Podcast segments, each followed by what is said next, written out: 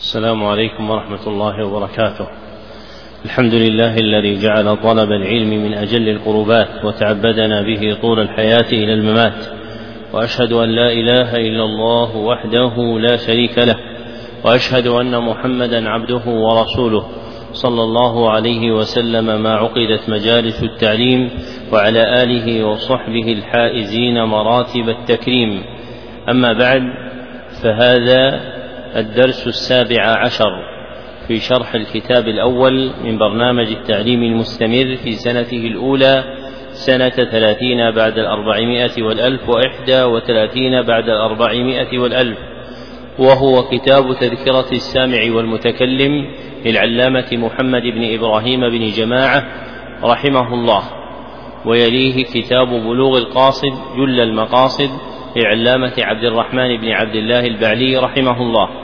ويليه الكتاب الثالث وهو كتاب فتح العليم فتح الرحيم الملك العلام للعلامة عبد الرحمن بن ناصر بن سعدي رحمه الله. وقد انتهى بنا البيان في الكتاب الأول إلى الباب الثالث. نعم. أحسن الله بسم الله الرحمن الرحيم. الحمد لله رب العالمين. وصلى الله وسلم وبارك على عبده ورسوله نبينا محمد وعلى آله وصحبه أجمعين. اللهم اغفر لنا ولشيخنا وللحاضرين ولجميع المسلمين. قال المصنف رحمه الله تعالى الباب الثالث في آداب المتعلم وفيه ثلاثة فصول. لما فرغ المصنف رحمه الله تعالى من البابين المتقدمين وأولهما يتعلق بفضائل العلم والثاني يتعلق بآداب المعلم أعقبهما بباب ثالث في آداب المتعلم. وقد سبق أن ترجم له رحمه الله تعالى في ديباجة كتابه بقوله الباب الثالث في آداب المتعلم في نفسه ومع شيخه ورفقته ودرسه. وهذه الترجمة المتقدمة في ديباجة الكتاب أليق مما اقتصر عليه المصنف ها هنا فإن الترجمة التامة التي تقدمت هناك تفصح عن فصول هذا الباب الثلاثة فهي أليق مما اقتصر عليه المصنف ها هنا. نعم. أحسن الله إليك. الفصل الأول في آدابه في نفسه وهو عشرة أنواع. الأول أن يطهر قلبه من كل غش ودنس وغل وحسد وسوء عقيدة وخلق ليصلح بذلك لقبول العلم وحفظه والاطلاع على دقائق معانيه وحقائق غوامضه. فإن العلم كما قال بعضهم صلاة السر وعبادة القلب وقربة الباطن. وكما لا تصح الصلاة التي هي عبادة الجوارح الظاهرة إلا بطهارة الظاهر من الحدث والخبث فكذلك لا يصح العلم الذي هو عبادة القلب إلا بطهارته عن خبيث الصفات وحدث مساوئ الأخلاق ورديئها. وإذا طيب القلب للعلم ظهرت بركته ونما كالأرض إذا طيبت للزرع نما زرعها وزكى. وفي الحديث إن في الجسد مضغة إذا صلحت صلح الجسد كله وإذا فسدت فسد الجسد كله. ألا وهي القلب؟ فقال سهل حرام على قلب يدخله النور وفيه شيء مما يكره الله عز وجل. شرع المصنف رحمه الله تعالى يذكر آداب المتعلم في نفسه وجعلها عشرة أنواع. وقدم في صدرها أن يطهر المتعلم قلبه من كل غش ودنس وغل وحسد وسوء عقيدة وخلق. وجماع ذلك أن ينفي المتعلم من قلبه كل نجاسة تضر به. ونجاسات القلب مرجعها إلى نوعين اثنين. أحدهما نجاسة الشهوات والآخر نجاسة الشبهات. ذكره أبو العباس بن تيمية الحفيد وتلميذه ابن القيم رحمه الله تعالى. وحقيقة ذلك أن يكون قلب العبد مخموما أي سالما من هذه النجاسات. وفيه الحديث الذي رواه ابن ماجه بسند قوي من حديث عبد الله بن عمرو رضي الله عنهما أن النبي صلى الله عليه وسلم سئل أي الناس أفضل؟ فقال كل مخموم القلب صدوق اللسان. قالوا هذا صدوق اللسان نعرفه فما مخموم القلب؟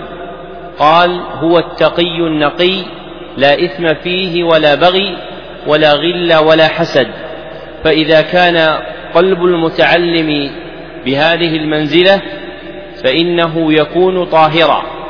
وإنما تستدعى طهارة القلب في حق المتعلمين لما ذكره المصنف بقوله ليصلح بذلك لقبول العلم وحفظه والاطلاع على دقائق معانيه وحقائق قوامضه. فكما أن النفوس لا تستمرئ أن تشرب شيئا في كاس نجسة ملطخة بشيء من القاذورات فإن القلوب لا يصلح أن يدخلها شيء من العلم وهي متلطخة بشيء من النجاسات. قال المصنف فإن العلم كما قال بعضهم صلاة السر وعبادة القلب وقربة الباطن وكما لا تصح الصلاة التي هي عبادة الجوارح الظاهرة إلا بطهارة الظاهر من الحدث والخبث فكذلك لا يصح لا يصح العلم الذي هو عبادة القلب إلا بطهارته عن خبيث الصفات وحدث مساوي الأخلاق ورديئها. ولو أن المصنف قال وكما أن الصلاة تطلب فيها طهارة الباطن والظاهر والعلم من جنس الصلاة لكان ذلك أولى. فإن الطهارة المأمور بها في الصلاة لا تقتصر على طهارة الظاهر بل يطلب فيها طهارة الباطن ويشار إليها بالزينة.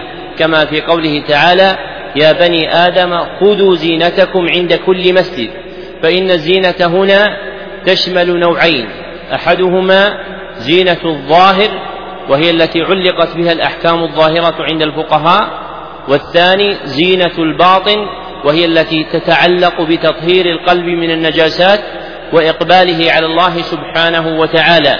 ذكر هذا المعنى أبو العباس بن تيمية الحفيد وتلميذه ابن القيم في كتاب مدارج السالكين.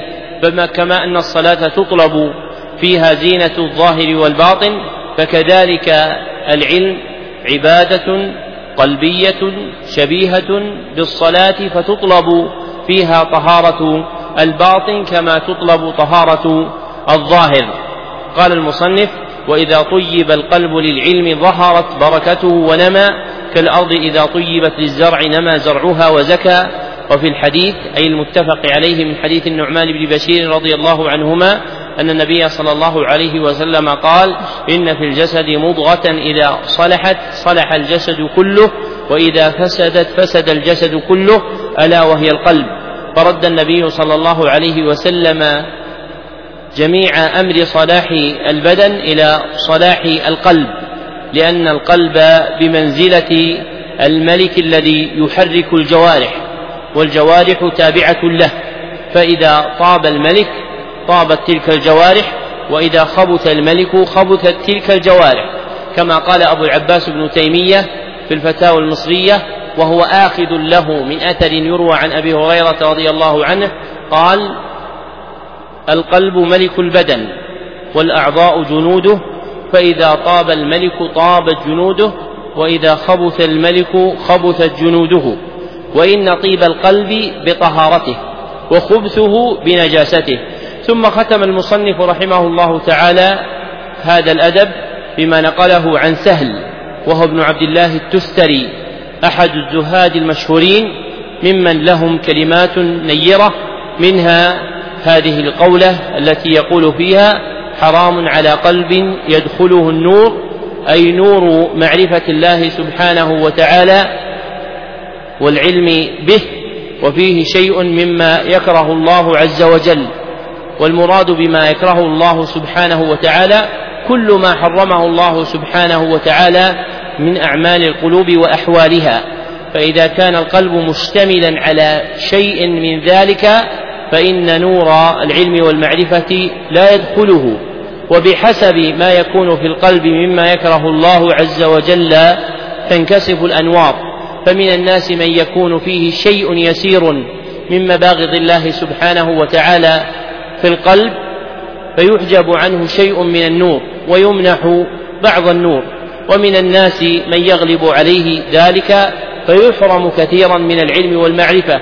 ومن الناس من يرزقه الله سبحانه وتعالى طهارة قلبه فيفسح له سبحانه وتعالى من نور معرفته. وشبيه بما ذكره سهل هنا ما ذكره أبو العباس بن تيمية الحفيد فيما نقله عنه تلميذه ابن القيم في مدارج السالكين في منزلة الأنس قال إذا كانت الملائكة المخلوقة لا تدخل بيتا فيه كلب ولا صورة. كما في حديث لا تدخل الملائكة بيتا فيه كلب ولا صورة فكيف تلج معرفة الله والأنس به ومحبته قلبا فيه كلاب الشهوات وصورها. انتهى كلامه. وهذا من أحسن التفسير الإشاري. وهو صحيح بشروطه فإن هذا المعنى الذي ذكره أبو العباس بن تيمية الحفيد رحمه الله تعالى صحيح فإن الملائكة المخلوقة إذا كانت تحجب عن البيوت إذا كانت فيها كلاب أو صور والمراد بها في أصح أقوال أهل العلم ملائكة الرحمة فكيف تدخل معرفة الله سبحانه وتعالى والأنس به ومحبته قلبا يشتمل على كلاب الشهوات وصورها. ومن أعظم الأمور التي ينبغي أن يتزود بها طالب العلم في أحواله كلها طهارة قلبه فإن طهارة القلب ليست حالا تعرض في أول الطريق بل هي مقام مستديم مستقر ينبغي أن يكون عليه العبد في جميع عمره فلا يخلو منه في حال أبدا. وإذا حصل له نقص فيه فإنه يجب عليه أن يتداركه. وربما عظم عند أحدنا طهارة بدنه وثيابه عند خروجه إلى حلق العلم ولا يعظم عليه أن يخرج إلى تلك الحلق وفي قلبه شيء مما يكرهه الله سبحانه وتعالى ويأباه. ولذلك فإن حلق العلم محل لتجديد العهد مع الله سبحانه وتعالى بتعاهد تطهير القلب. فإن قلوب العباد لا تنفك عن المعصية. فإن كل بني آدم خطاء كما في حديث أبي ذر الغفاري في صحيح مسلم وهو حديث إلهي وفيه يا عبادي إنكم تذنبون بالليل والنهار. ومن جملة تلك الذنوب الذنوب القلبية. فلا يعاب العبد أن تصدر منه. ولكن يعاب على بقائها فيه فلا بد أن يجتهد في نفيها عن قلبه ومن المقامات التي ينبغي أن يتعاهد فيها قلبه ليحصل له النفع إذا خرج في طلب العلم والتماسه فإنه يرجع إلى قلبه فينظر فيه فما وجد فيه من نجاسة نفاها. واعلموا أن الإنسان لا يدرك العلم بقوة حفظه ولا جودة فهمه ولا كثرة ماله ولا تأثر أهل بيته فيه وإنما يدركه بطهارة قلبه. فإن العلم ميراث النبوة وجواهر الله سبحانه وتعالى في الأرض. ولا يضع الله سبحانه وتعالى ميراث النبوة وجواهره في قلوب متنجسة. فإن الجوهرة لا ترمى في البزبلة ولا يكون العلم عند قلب متنجس. وإنما توجد صورته عند بعض المتنجسين بالنجاسات القلبية وأما حقيقة العلم التي تقرب المرء إلى الله سبحانه وتعالى وتجعل له بصيرة نافذة يمكنه بها أن يتدرأ من كل فتنة واقعة وباقعة نازلة فإن هذا لا يكون لأولئك المتنجسين. بل إن من تنجس قلبه ممن ينتسب إلى العلم تظهر فضيحته. وتبين رزيئته وتكشف خبيئته عند حلول الفتن فإن نجاسات القلوب المستكنة فيها تظهر على فلتات ألسنة أصحابها وقسمات وجوهها وجوههم إذا ورد الاختبار عليهم.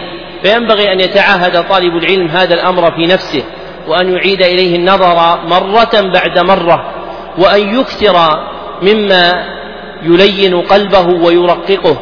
ويقربه إلى ربه سبحانه وتعالى فإنك لن تنال العلم بمثل ذلك ولن تنتفع في العلم أبدا بقدر انتفاعك بتطهير قلبك.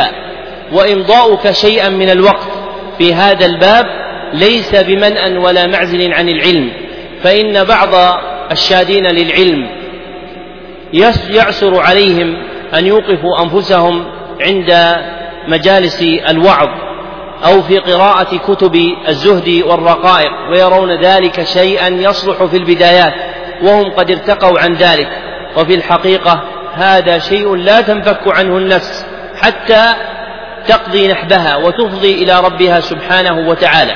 فينبغي أن يجتهد طالب العلم في تدارك هذا الأمر في نفسه ودوام ملازمته وإيصاله إليها بأنواع مختلفة من الطرق حتى تحصل له هذه المنفعة العظيمة في العلم.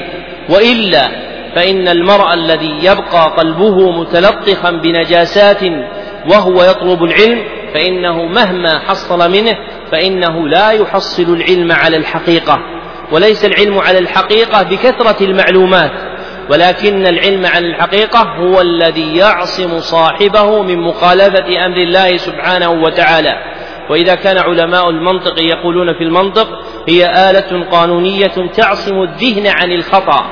فإن طهارة القلب للمتعلم آلة قلبية تعصمه من كل ما يخالف أمر الله سبحانه وتعالى. أسأل الله العلي العظيم أن يرزقنا جميعا طهارة قلوبنا وأن يعيننا على أنفسنا. نعم. صلى الله إليك. الثاني حسن النية في طلب العلم بأن يقصد به وجه الله عز وجل والعمل به وإحياء الشريعة وتنوير قلبه وتحلية باطنه والقرب من الله تعالى يوم لقائه والتعرض لما أعد لأهله من رضوانه وعظيم فضله. قال سفيان الثوري رحمه الله ما عالجت شيئا أشد علي من نيتي ولا يقصد به الأعراض الدنيوية من تحصيل الرياسة والجاه والمال ومباهاة الأقران وتعظيم الناس له وتصديره في المجالس ونحو ذلك فيستبدل الأدنى بالذي هو خير. قال أبو يوسف قال أبو يوسف رحمه الله أريدوا بعلمكم الله تعالى فإني لم أجلس مجلسا قط أنوي فيه أن أتواضع إلا لم أقم حتى أعلوهم ولم أجلس مجلسا قط أنوي فيه ألا أن, أن أعلوهم إلا لم أقم قط حتى أفتضح حتى أفتضح. والعلم عبادة من العبادات وقربة من القرب فإن خلصت فيه النية لله تعالى. قبل وزكى ونمت بركته وإن قصد به غير وجه الله حبط وضاع وخسرت صفقته.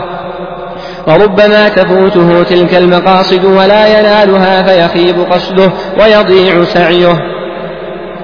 ذكر المصنف رحمه الله تعالى أدبا آخر من آداب المتعلم في نفسه وهو حسن النية في طلب العلم. فإن النية هي المحركة الباعثة إلى الأعمال وإنما ينفع العبد حسنها. وقد بين المصنف رحمه الله تعالى وجه معنى حسنها فقال بأن يقصد به وجه الله عز وجل والعمل به وإحياء إحياء الشريعة وتنوير قلبه إلى آخر ما ذكر. وسبق أن ذكرت لكم أن مقاصد النية في العلم ترجع إلى أربعة أمور. أولها أن يقصد رفع الجهل عن نفسه وثانيها أن يقصد رفع الجهل عن غيره وثالثها أن ينوي حفظ علوم الشريعة من الضياع ورابعها أن يقصد العمل بالعلم. وأشرت إلى ذلك بقولي ونية للعلم رفع الجهل عن عن نفسه فغيره من النسم وبعدها التحصين للعلوم من ضياعها وعمل به زك ومعنى زك أي ثبت. فهذه الأمور الأربعة هي مقاصد النية التي ينبغي أن ينطوي عليها قلب طالب العلم. فأنت في طلبك للعلم ينبغي أن تقصد رفع الجهل عن نفسك فإنك مخاطب بالأمر والنهي والخبر. فلا بد أن ترفع الجهل عن نفسك فيما يتعلق بإقامة ما خلقها خلقك الله عز وجل له من عبادته. ثم تقصد أيضا أن ترفع الجهل عن غيرك فتسعى في بيان الشريعة وإيضاح أحكامها لينتفع الخلق بذلك وتكون معينا لهم على امتثال أمر العبادة التي خلقوا لأجلها. وتقصد أيضا أن تكون حافظا للعلوم من الضياع فإن العلوم إذا تركت ضاعت وهذا مآل كثير من علوم الأمة الإسلامية في هذه الأعصار فإن كثيرا من الكتب التي كانت تقرأ في حلق العلم درسا قد طوي بساطها ولم يبقى إلا ذكرها في تراجم من مضى رحمهم الله تعالى. فينبغي أن يستحضر طالب العلم في نيته حفظ العلوم من الضياع وهذا القصد يتأكد إذا عظم الجهل ورفعت ألوية الكفر والبدعة والهوى كهذه الأزمان. فيكون من مقاصد طالب العلم في نيته أن يكون حافظا لعلوم الدين من الضياع. ثم يقصد في نيته أيضا أن يعمل بالعلم الذي تعلمه. فإذا جمع طالب العلم هذه المقاصد الأربعة فإنه قد جمع النية المطلوبة فإنه قد جمع النية المطلوبة للعلم التي ينبغي أن يتمثلها طالبه في ابتداء طلبه. ثم ذكر المصنف رحمه الله تعالى كلمة عن سفيان الثوري في تعظيم أمر النية قال فيها ما عالجت شيئا أي ما كابدت شيئا أشد علي من نيتي. فذكر سفيان رحمه الله تعالى شدة مكابدة النية ومشقة ذلك وإنما يتفق هذا لأن النية محلها القلب والقلب يتقلب وما سمي إلا لذلك كما قال الشاعر ما سمي القلب قلبا إلا من تقلبه فاحذر على القلب من قلب وتحويل فإذا كان القلب هو وعاء النية وهو متقلب فإن النية حينئذ يعسر استقرارها فتتقلب بتتقلب القلب. كالكرة إذا وضعتها في وعاء فقلبت ذلك الوعاء على الجهات كلها فإن الكرة لا تستقر فيه بل تكون متحركة بحركة الجهات كلها فكذلك القلب. لا تستقر النية فيه لأنه يتقلب فيحتاج المرء إلى مشقة عظيمة في طلب استقرار نيته.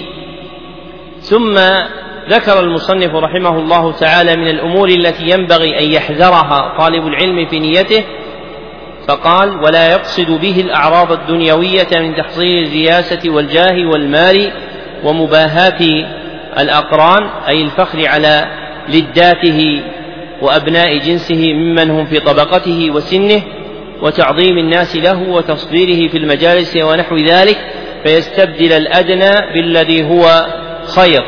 لأن هذه الأعراض يجمعها جميعا أنها زائلة والعاقل لا يطلب الزائل وإنما يطلب الباقي. وإن من حماقة المرء أن يستبدل ألفان الخسيس بالغالي النفيس فيعرض عن النية المطلوبة في العلم مما يقربه إلى الله سبحانه وتعالى ويخلده فلاح الدنيا والآخرة إلى أمثال هذه النيات الفاسدة من تحصيل الرئاسات والجاه والمال ومباهاة الأقران وغيرها.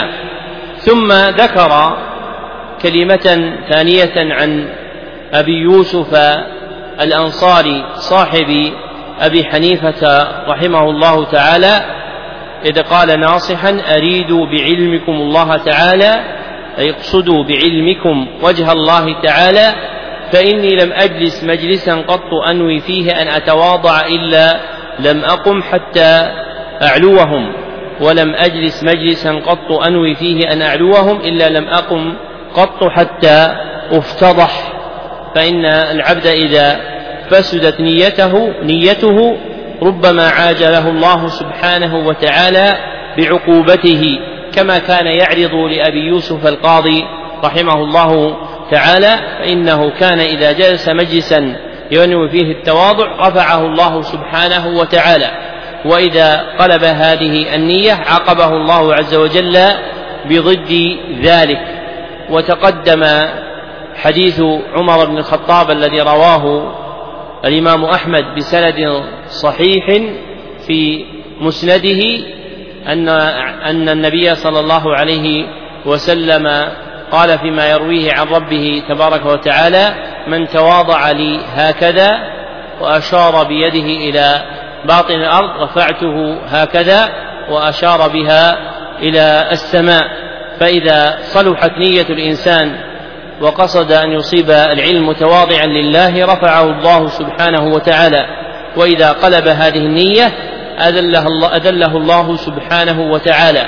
وهذا أمر لا يختص بالعلم بل كل المطلوبات العظمى. إذا تواضع الإنسان لله سبحانه وتعالى أعزه الله.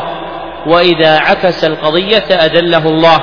كما قال تعالى تلك الدار الآخرة نجعلها للذين لا يريدون علوا في الأرض ولا فسادا والعاقبة للمتقين. فإنما يورث الله سبحانه وتعالى الدار الآخرة لمن سلم من طلب العلو والتكبر والتجبر. ثم ختم المصنف رحمه الله تعالى بيانه بأن العلم عبادة من العبادات وقربة من القرب فإن خلصت فيه النية لله تعالى قبل وزكى. ونمت بركته وإن قصد به غير وجه الله حبط وضاع وخسرت صفقته كما قال عبد الله بن المبارك رحمه الله تعالى فيما رواه أبو نعيم الأصبهاني في كتاب الحلية كم من عمل عظيم صغرته النية وكم من عمل صغير عظمته النية فإذا صحت نية الإنسان عظم الله سبحانه وتعالى عمله وإن كان قليلا وبه تعرف حقيقة الأمر فيما يجريه الله سبحانه وتعالى من النفع على أيدي أناس لا يوصفون بمكنة في العلم ولا إمامة فيه وقد يكون في أعصارهم من يبزهم ويتقدم عليهم في العلم ولكن مع صلاح نياتهم وحسن مقاصدهم يجري الله سبحانه وتعالى النفع على أيديهم فوق ما يجري على أيدي غيرهم. ثم قال المصنف وربما تفوته تلك المقاصد ولا ينالها فيخيب قصده ويضيع سعيه وهذا من أعظم الخذلان وأشد الحرمان إذ يكون المرء طالبا للعلم لأجل الأغراض والأعراض والأعواض فإذا مضت به السنون يخرج صفر اليدين لم يدرك شيئا من مطالبه التي كانت فيكون قد خسر في مطالبه الدنيوية وقد خسر في مطالبه الأخروية. فله واحرز موعود الله سبحانه وتعالى لمن صلحت نيته في طلب العلم ولا هو حصل ما يقصده ويطلبه من أمر الدنيا فضاع منه هذا وهذا وهذا من أشد الخذلان والحرمان الذي يعرض للعبد.